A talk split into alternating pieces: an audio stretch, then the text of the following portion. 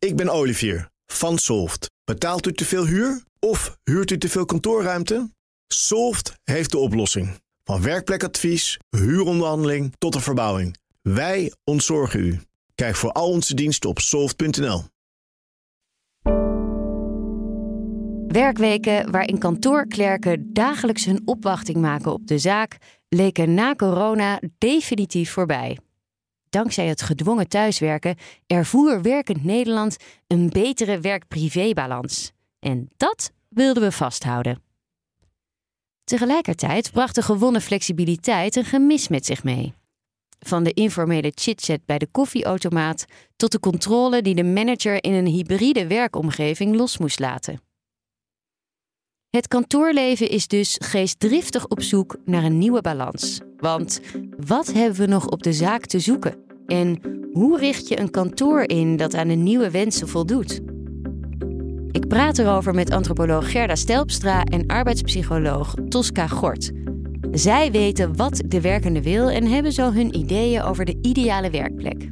En je hoort redacteur vastgoed Erik van Rijn, die in kaart brengt hoe de veranderende werkwensen een stempel drukken op de kantorenmarkt.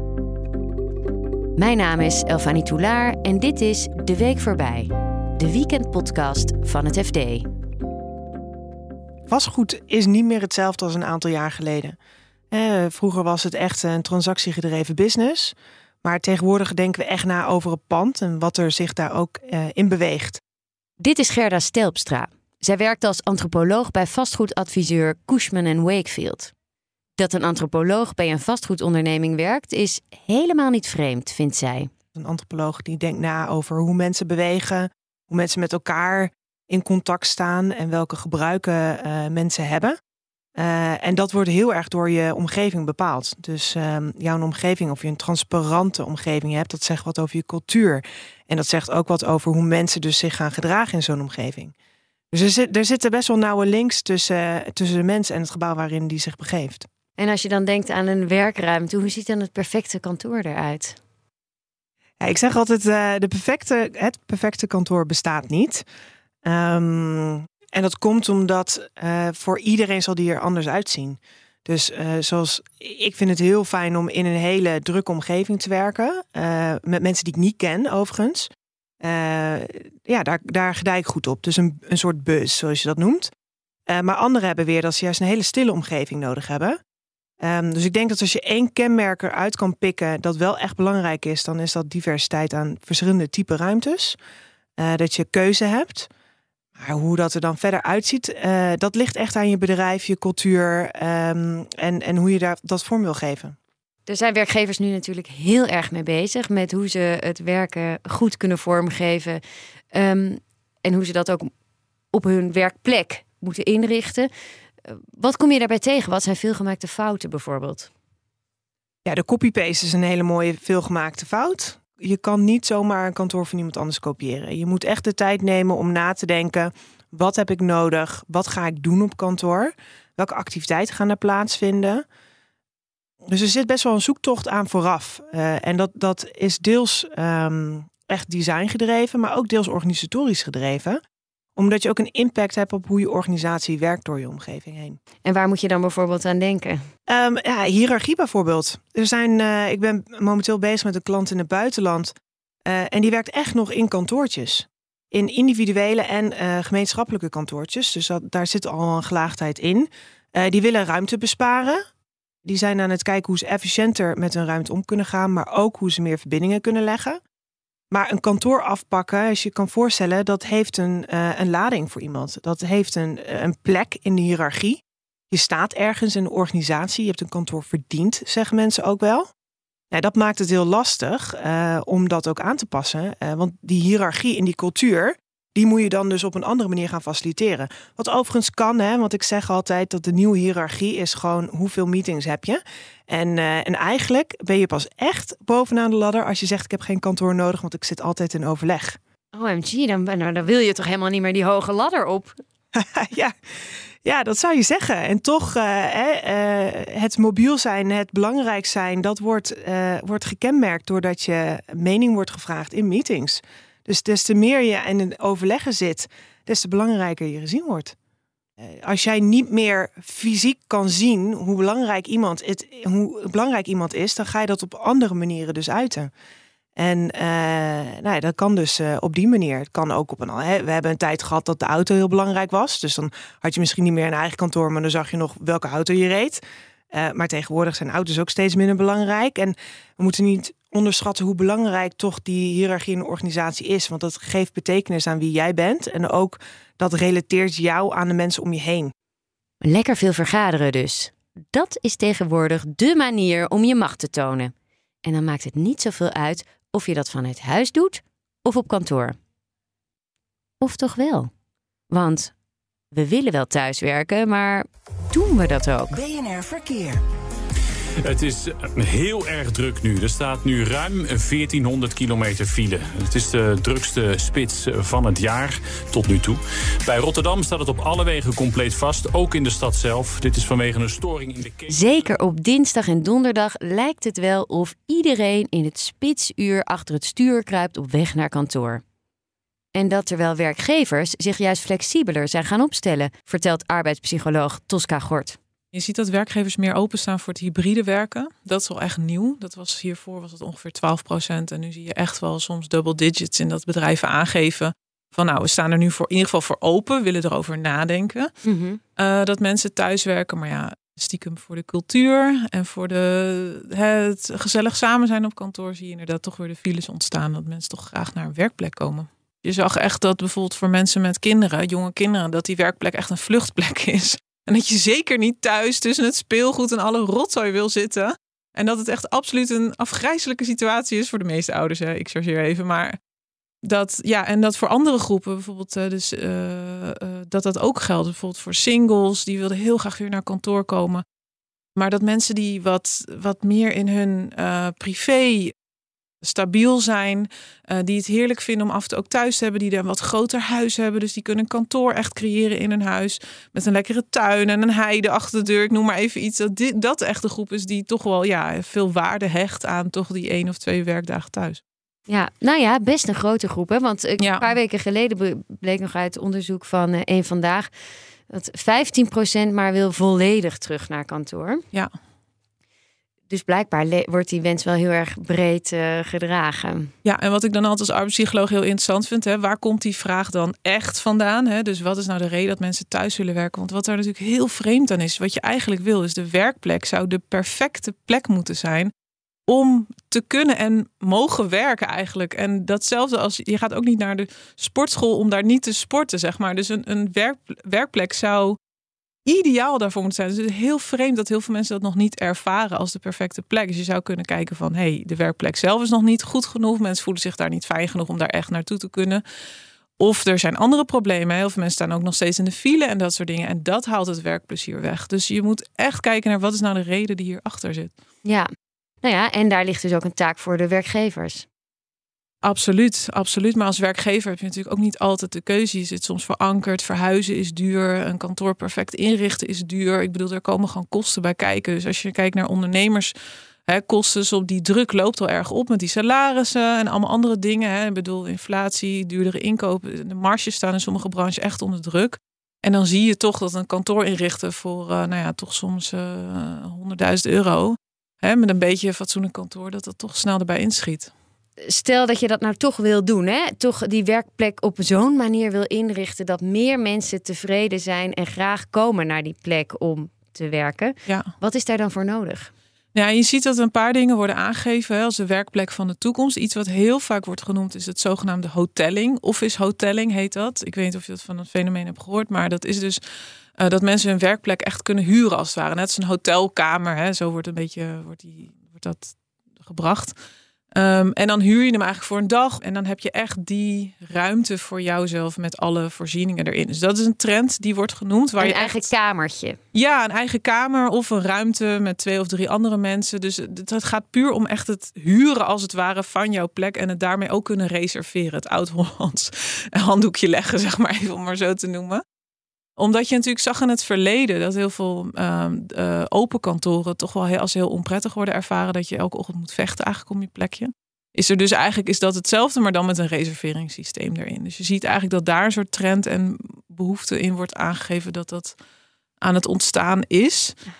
Ja. Op zoek naar een vaste plek in de, in de flexplekken. Ja, nou, je, je, dat zag je echt heel veel gebeuren. Daar hoorde je echt wel verhalen over dat mensen dan toch stiekem gewoon weet je, hun, hun stoel meeslepen of ergens hun spullen verstoppen. Of ja, omdat het, het, het past gewoon niet echt bij het mens zijn om elke ochtend weer opnieuw je plek te moeten bevechten. Ik bedoel, dat geeft zoveel onrust en stress. Dus wat je als werkgever voornamelijk wil, is in deze overprikkelde maatschappij, is al die stressprikkels wegnemen van mensen.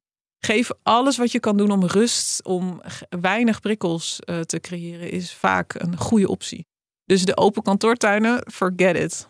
Ja, maar die open kantoortuinen, die zijn juist de afgelopen jaren heb ik het gevoel, overal gebouwd. Het lijkt wel. Ook wij hier bij het eh, FD. Mooie planten, mooie gezamenlijke kasten, maar flexplekken en enorme ja, tafelblokken. Precies. De kantoortuin. Ja, en dat komt omdat het is allereerst natuurlijk, hè, want heel veel bedrijven huren hun kantoor. Dus het is een goedkope optie. Want uh, in principe ram je er gewoon planten en tafels in en dan heb je een kantoor. En dan ziet het er voor het oog heel erg leuk uit. Maar voor de werknemer is het natuurlijk iets minder prettig, omdat ja, je wil toch uiteindelijk concentreren. Je wil toch, ja, die, als je bijvoorbeeld een kamer hebt met twee, drie andere, maximaal twee anderen zou ik zeggen, op een kamer zit. En je kan daar echt gewoon fijn mee vinden, dan geeft dat toch wel meer rust over het algemeen. Maar trends rondom kantoorbehoeften gaan verder dan het kunnen huren van een eigen werkplek. Tosca ziet het ook in de wensen van een nieuwe generatie die zich richt op zelfactualisering de hoogste vorm van ontwikkeling die ontstaat wanneer we verder alles hebben wat ons hart begeert. We hebben ons eten, we hebben ons huis, we hebben uh, onze auto en dergelijke. Alles is geregeld. Dan zie je dat het dus heel erg neerkomt op die zelfactualisatie, persoonlijke ontwikkeling, dat soort dingen die heel erg belangrijk worden voor mensen. En dat zie je eigenlijk ook straks, vermoed ik, wordt ook al aangegeven als trend terug in de kantoorbehoeften. Hè? Dus je ziet nu al die planten, dat is overal populair, dat is natuurlijk helemaal fantastisch. Maar je ziet dat dat hele groene, waarschijnlijk nog verder wordt doorgevoerd. En dat het ook nog meer gaat over van goh, hoe kan deze plek iets bijdragen aan een betere, mooiere wereld? En je ziet dat werknemers zelf die behoefte hebben en dat het kantoor dan ook een beetje mee moet gaan doen. Voor het FD volg ik de kantorenmarkt en je ziet dus dat er sinds corona best wel wat bedrijven echt enorm aan nadenken zijn over wat is die functie van dat kantoor nu eigenlijk en wat willen we daar nou eigenlijk mee nu iedereen, of iedereen, een groot deel van de mensen in ieder geval ook heel graag wil, uh, wil thuiswerken. Dit is collega Erik van Rijn. Hij schrijft voor het FD over vastgoed. Ik heb vorig jaar zomer al eens een keer een rondgang gemaakt langs zo'n dertigtal bedrijven. En toen merkte je al dat heel veel grote ondernemingen, dan heb je het echt over de ING's en de Egons en de ASR en eh, de verzekeraar, dat die al toch wel vierkante meters aan het afstoten waren. Omdat ze zagen, mensen komen niet meer echt naar kantoor. Wij vinden dat thuiswerken, dat kunnen faciliteren, dat vinden we ook fijn. Dus kunnen we wel met een paar verdiepingen minder. En um, wat gebeurt er dan nog op die kantoren? Ja, dat is dus eigenlijk een beetje uh, de vraag. Maar wat, wat er heel veel bedrijven zeggen, is dat dat kantoor een soort ontmoetingsplek wordt. En dat gaat dan ook gepaard met allerlei uh, nieuw jargon. Hè? Want uh, toen ik die rondgang deed, had Capgemini, het grote consultancybedrijf, het over Work Anchor Point. Hè? Dat het kantoor dan zou gaan heten. En de Rabobank had het over een Rabo House. En ING ging naar coworkspaces. Nou, dat coworkspaces, dat is dus, dus samenwerken. Dus daar, daar zit dat natuurlijk ook al heel erg in. In ieder geval het idee dat het individuele werk waarvoor je je moet concentreren, dat kun je wel thuis doen. Maar als je op kantoor bent, dan is het toch vooral belangrijk dat we met elkaar in contact komen. En dat we gaan elkaar met je collega's gaat overleggen en gaat samenwerken. En dat is eigenlijk wel waar je de grootste verandering in zit. Dat bedrijven daar en organisaties daar best wel op hebben ingezet de afgelopen tijd. Hoe verwacht jij dat die ontwikkelingen verder zullen gaan? Want het is nu nog zoeken. Ja, nou dat is inderdaad precies wat je zegt. Enorm zoeken. Want ook nog niet heel veel uh, bedrijven hebben hier nou een extreme knoop in doorgehakt. En dat is toch wel aardig, want in het begin van de pandemie zag ik ook heel veel bijvoorbeeld vastgoedadviseurs en partijen zeggen: nee, dat kantoor wordt belangrijker dan ooit. En je hebt misschien straks nog wel meer ruimte nodig, omdat dat kantoor andere functies zijn. Maar het tegendeel is wat je hebt gezien de afgelopen tijd. Namelijk dat best wel veel bedrijven zeggen: ja, maar de mensen zitten thuis. Dus ja, het is natuurlijk enorm koffiedik kijken. En we kunnen niet uh, in de glazen bol. Het blijft natuurlijk ontzettend moeilijk. Maar ik verwacht eerlijk gezegd dat thuiswerk, dat blijft in onze organisaties, denk ik, wel vast. Zeker als je op het moment dat je veel werk individueel kan, uh, kan doen. Denk je niet, uh, want als je de file-informatie hoort afgelopen weken, record aantal files. Um, ja, dan denk je, huh? is er dan niks veranderd? Ja, nee, dat, dat is natuurlijk wel zo. Kijk, wat misschien niet veranderd is, is de manier waarop we werken. En namelijk dat we nog steeds om negen uur allemaal graag op, die op kantoor willen zijn. En ja, dan krijg je files.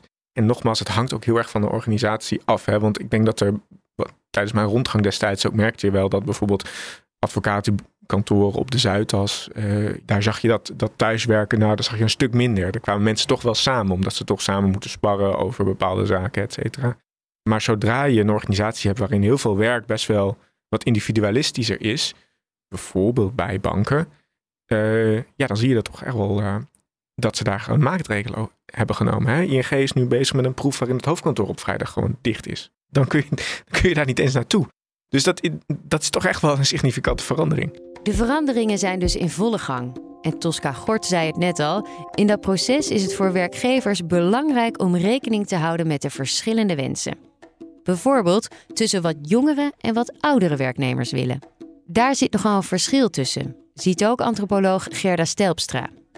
Ja, we zien dat um, jongere generaties uh, graag op kantoor werken, elkaar ook graag ontmoeten. Dat heeft ook te maken met hun thuisomgeving. Hè, vooral ook in de regio Amsterdam of de grote steden.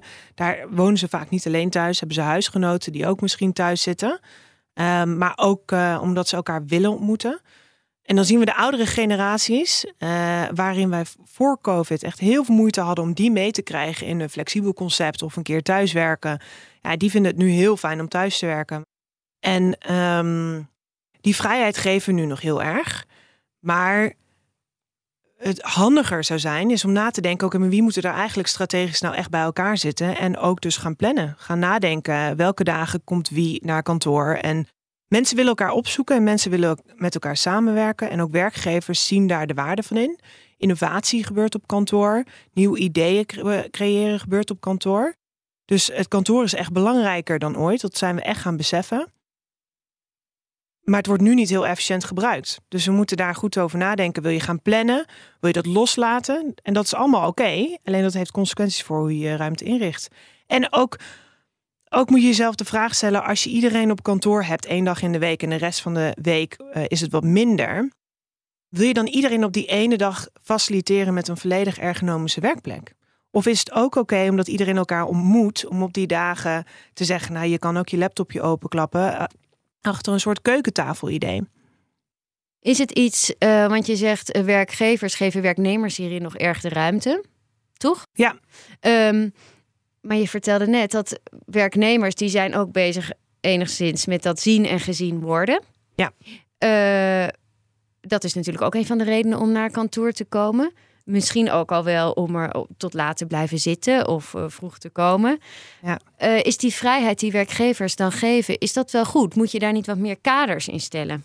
Ja, mensen komen terug om gezien te worden. En, uh, maar je ziet ook dat dus een bepaald type persoon heel graag terug wil naar kantoor. En dat geldt niet voor iedereen. Welk type? De carrière-tijger. Die wil terug naar kantoor. He, die, wil, die wil gezien worden, die wil uh, uh, zichtbaar zijn. En niet iedereen wil dat. Niet iedereen heeft ook de capaciteit om dat te doen. Hè? Dus vanuit een inclusiviteitsprincipe moet je je afvragen of je dat wilt toelaten. Want je krijgt namelijk één type persoon die altijd zichtbaar is in je bedrijf. Terwijl mensen die heel veel waard kunnen zijn, maar een druk privéschema hebben met kinderen eh, en opvang en weet ik veel wat, die kunnen dat niet. Werkgevers worstelen dus met de zee aan mogelijkheden en risico's die hybride werken met zich meebrengt. Gerda's werkgever heeft het eigen kantoor ingericht als proeftuin. Daar worden nuttige lessen geleerd. Nou, dat uh, betekent dat wij, uh, we hebben een delingsgraad geloof van 0,4. Nee, sorry, dat zeg ik verkeerd. 0,48 toen we erin gingen. Dat betekent dat er voor elke medewerker minder dan een, hal, uh, ja, minder dan een halve bureau beschikbaar was.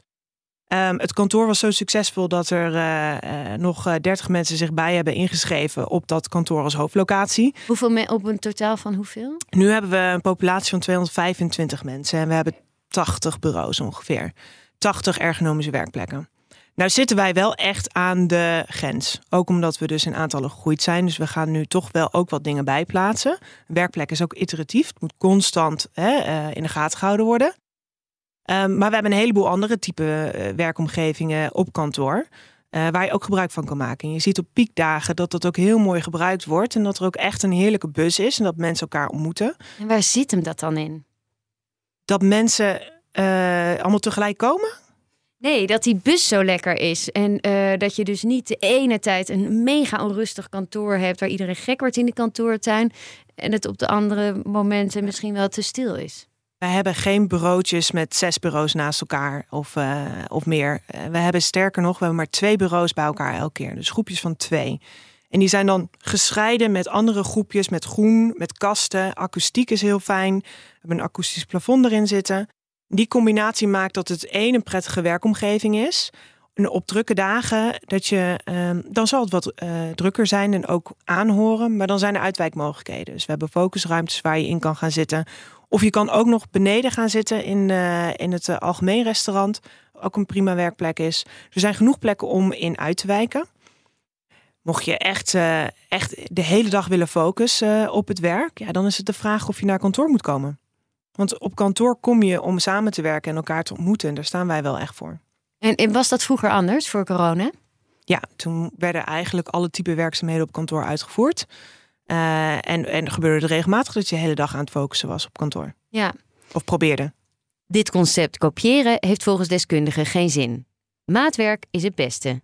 En op dat vlak kunnen grote werkgevers nog wel wat leren van het midden- en kleinbedrijf, ziet arbeidspsycholoog Tosca Gort een van de dingen wat echt al jaren blijkt, ook uit onderzoek van Harvard en wat je overal steeds terugvindt in andere bewoordingen, is dat verbinding de basis is van geluk van mensen. Um, en je ziet dus ook, ook in dat hoor je ook heel veel klachten, ook uh, op nieuwsitems en andere dingen. Dat mensen als ze de verbinding kwijtraken, doordat er andere mensen in hun buurt komen wonen of whatever wat voor reden, is dat mensen daar heel ongelukkig van worden. En datzelfde geldt op kantoor. En hoeveel tijd brengen we wel niet door op kantoor? Dus als jij als bedrijf, als ondernemer die verbinding kan bieden door de kantoorsituatie heel prettig te maken en daardoor ook kan bijdragen aan de cultuur, dat is waar mensen echt behoefte aan hebben en echt heel prettig vinden. Heb je voorbeelden van bedrijven waar dit op een hele goede manier gebeurt? Nou, je ziet eigenlijk wel bij de meeste MKB-bedrijven waar dus die verbinding vaak heel goed op orde is. Hè, de, de, de ja, midden-klein bedrijf. Um, beetje van 10 tot uh, 100 werknemers. Zie je eigenlijk dat dit al best wel. Uh, dat er best wel veel verbinding is. En dat die kantoor eigenlijk nog dat dat kantoor hartstikke goed gebruikt wordt. En dat het een hele fijne plek is om naartoe te gaan. Dus je ziet vooral die kleinere bedrijven waar mensen natuurlijk en de ondernemer vaak nog dicht op de werkvloer zit. Dat het daar vaker goed op orde is dan natuurlijk toch de corporates, waar je toch op een soort van hoogover manier soms wordt bedacht van hé, hey, we gooien dit kantoor dicht, uh, we maken het zus, we maken het zo. Maar wat je natuurlijk wel ziet is dat daar natuurlijk soms veel meer budget is, veel meer HR, veel meer resources om dingen echt helemaal te organiseren, maar dat ze het vaak niet op maatwerkmanier kunnen doen. Dus dan implementeren ze het gewoon op hele grote schaal voor heel veel mensen. En dan is het voor misschien 75% van de mensen heel erg fijn, echt super, fantastisch geregeld. Maar dan zie je weer dat net voor die 25% het weer helemaal niet fijn is. Dus ja, het fijnste is eigenlijk om natuurlijk altijd te kijken van wat is de individuele behoefte en daaraan te kunnen voorzien en daar je HR-beleid op aan te passen. Want dan, ja, dan heb je gewoon, zeker met hoe moeilijk het nu is om mensen te vinden, spreek je gewoon de meeste mensen aan. Dit was hem voor deze week. Dankjewel voor het luisteren. Natuurlijk vind je in onze app al het laatste nieuws over kantoren, het bedrijfsleven en onze veranderende manier van werken. Ik ben te vinden op Twitter, Elfanie. En je kunt ook altijd mailen naar podcast.fd.nl. We vinden het heel leuk om van mensen te horen. Redactie en montage van deze podcast was in handen van Lisa van der Velde en van mij. Muziek komt van Visionair Ordinaire. Een heel fijn weekend en graag tot volgende week.